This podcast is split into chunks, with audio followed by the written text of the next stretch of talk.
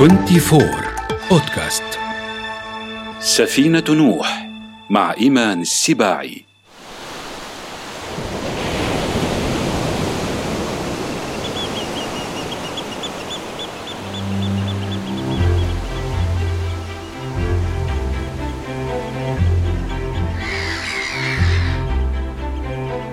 لا يريد صديقي النورس جوناثان أن يكون مثل بقية النوارس في عائلتي. فلماذا يا ترى؟ أهلا يا أصدقائي في بودكاست سفينة نوح من 24 في رفقتكم إيمان السباعي.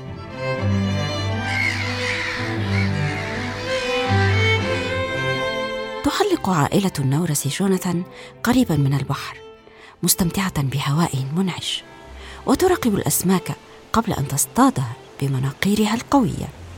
ولا تهتم إلا بتتبع قوارب الصيد للحصول على طعامها من بقايا الكائنات البحرية. أما جوناثان فأكثر ما يعنيه أن يتعلم الطيران بسرعة أكبر وارتفاع أعلى. هذه هي قصة النورس الخالدة لمؤلفها ريتشارد باخ الكاتب والطيار الأمريكي الذي لم يكتب إلا عن شغفه الكبير بالطيران. لكن الطيران في هذه القصة الفلسفية رمز لوصول الكائن إلى حريته وحقيقة نفسه وطموحه إلى أبعد من حياة بلا هدف ومعنى. النوارس طيور مائية توجد في كل قارات العالم تقريبا وتعيش بالقرب من السواحل. ومثل سيربي جوناثان تتبع قوارب الصيد لتضمن طعامها لكنها لا تكتفي بهذا الطعام فتلتقط ما يتركه مرتاد الشواطئ من بقايا طعامهم بل تسرق طعام البجع وغيره من الطيور بحيل ذكية وتأكل بيض الطيور أيضا. إذا ذهبت إلى شاطئ تزوره النوارس انتبه لطعامك فهي طيور جريئة جدا ولصوص محترفون لا يخافون الناس وقد ينقض أحد النوارس على ساندويتش في يدك.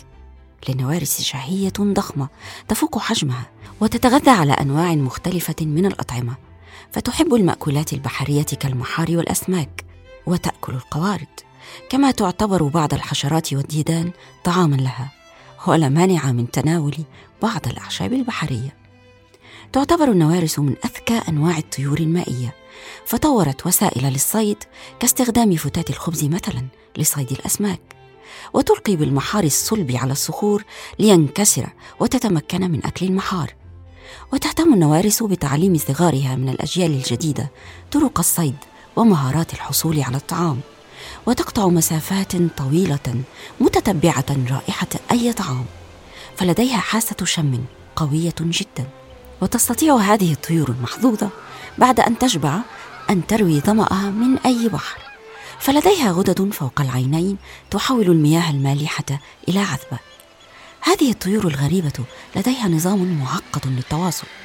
تستخدم فيه مجموعة من الأصوات المختلفة وتتواصل أيضا عن طريق حركات الجسم. ولديها حركات طريفة منها ما أسميه رقصة المطر فتخبط أقدامها بالصخور مقلدة صوت هطول المطر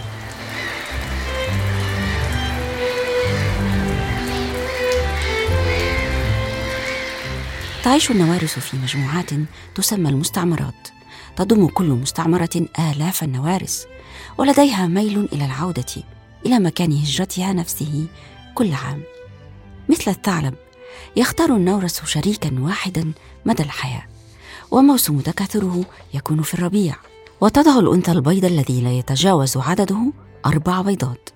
ويتناوب الوالدان الاهتمام بالصغار وإطعامهم. فذكر النورس زوج مثالي حقيقي.